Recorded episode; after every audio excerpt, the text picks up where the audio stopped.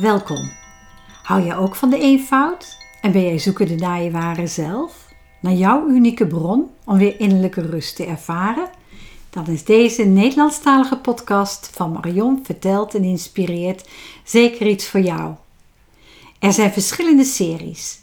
Er is een serie over universele levensenergie, Reiki als lichtwerker, en vanuit mijn 30 jaar ervaring neem ik je graag mee op reis. Er is een serie die gaat over de eenvoud van meditatie. In die serie vertel en laat ik je ervaren hoe eenvoudig meditatie kan zijn. Er is een serie die gaat over de taal van de voeten en in het bijzonder jouw tenen. Vanuit mijn meer dan 20 jaar ervaring met voeten kan ik je vertellen: voeten liegen nooit. Ze laten je zelf zien of je aangeleerd gedrag hebt, of dat jij vanuit je hart doet wat je graag wilt doen. Ik wil je graag inspireren om dit voor jezelf te onderzoeken.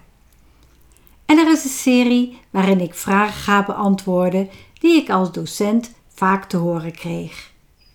Ik ontmoet je graag in alle series, maar voor nu heet ik je van harte welkom in de podcast over de taal van de tenen, aflevering 4.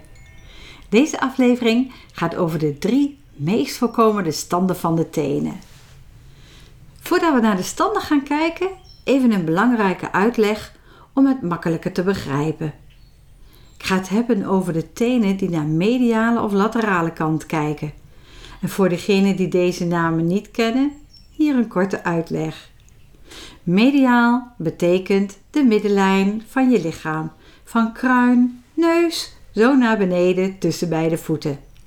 Als ezelsbruggetje gaf ik in mijn klasse van voetreflexologie altijd mee de M van mediaal komt overeen met de M van het midden. De laterale kant is de buitenkant van het lichaam, de linker en de rechterzijde. Nou, kijk nu maar eens naar beneden, naar je eigen tenen. Hey, staan ze allemaal recht vooruit? Of buigt er één naar de middenlijn, mediaal dus? Of buigt er één naar de buitenzijde van je lichaam, lateraal dus? De tenen die naar de middenlijn buigen zijn met het verleden bezig. Daar speelt het verleden nog een grote rol.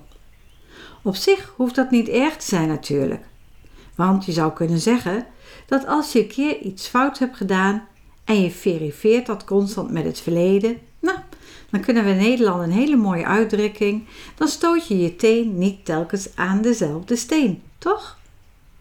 Maar heb jij last van omdat het verleden je te veel bezighoudt, dan is de taal van de tenen een mooie richtingaanwijzer.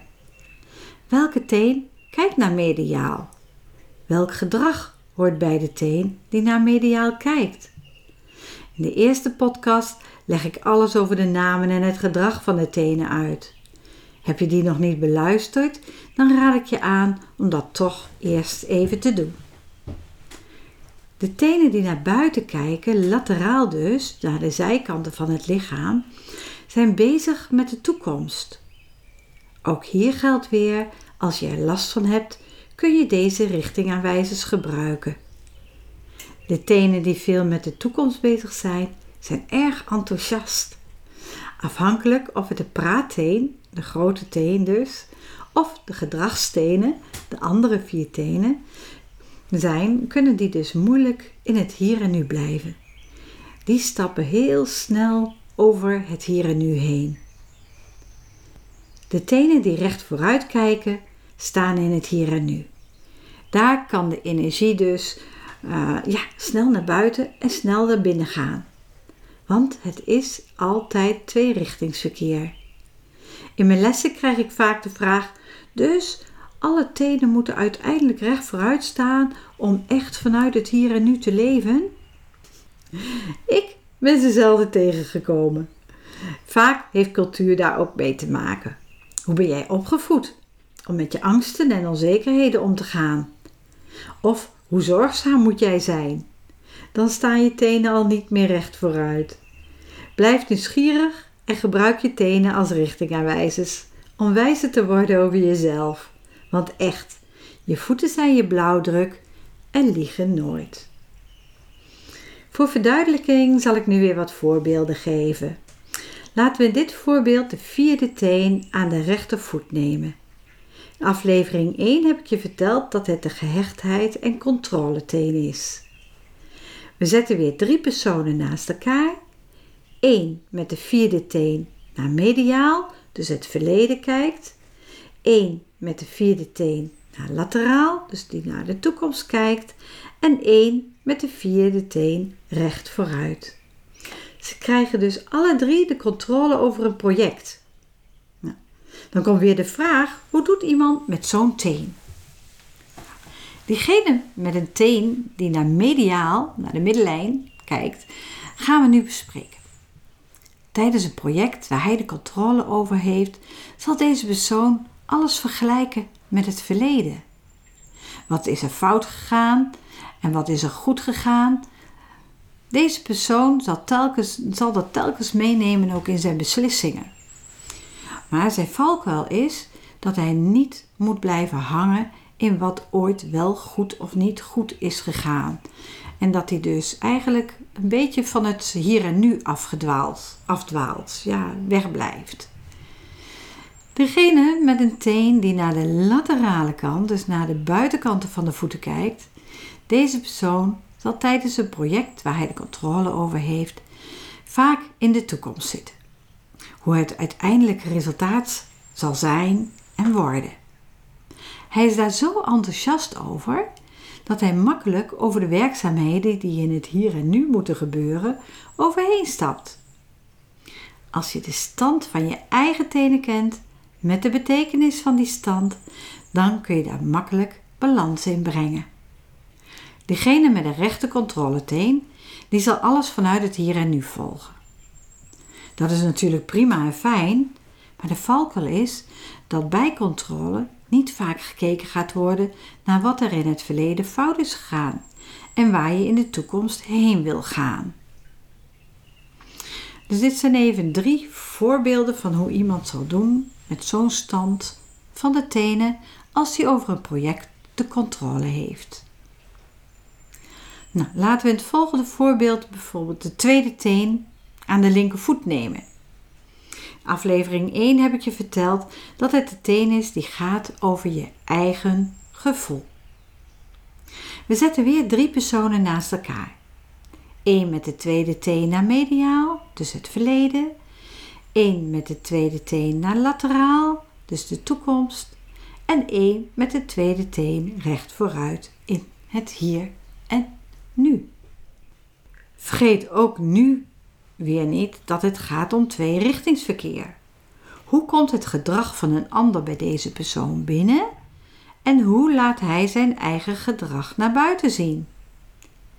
Degene met de tweede teen aan de linkervoet die naar de middenlijn kijkt, mediaal, heeft dus wel last van gevoelens uit het verleden. Hij verifieert dus met wat hem in het verleden is overkomen. Misschien een gevoel van toen rekende iemand mij daarop af. Weet dat alleen de persoon met de tenen het verhaal erachter heeft. Dat is niet aan degene die hem die richting aanwijzers laat zien.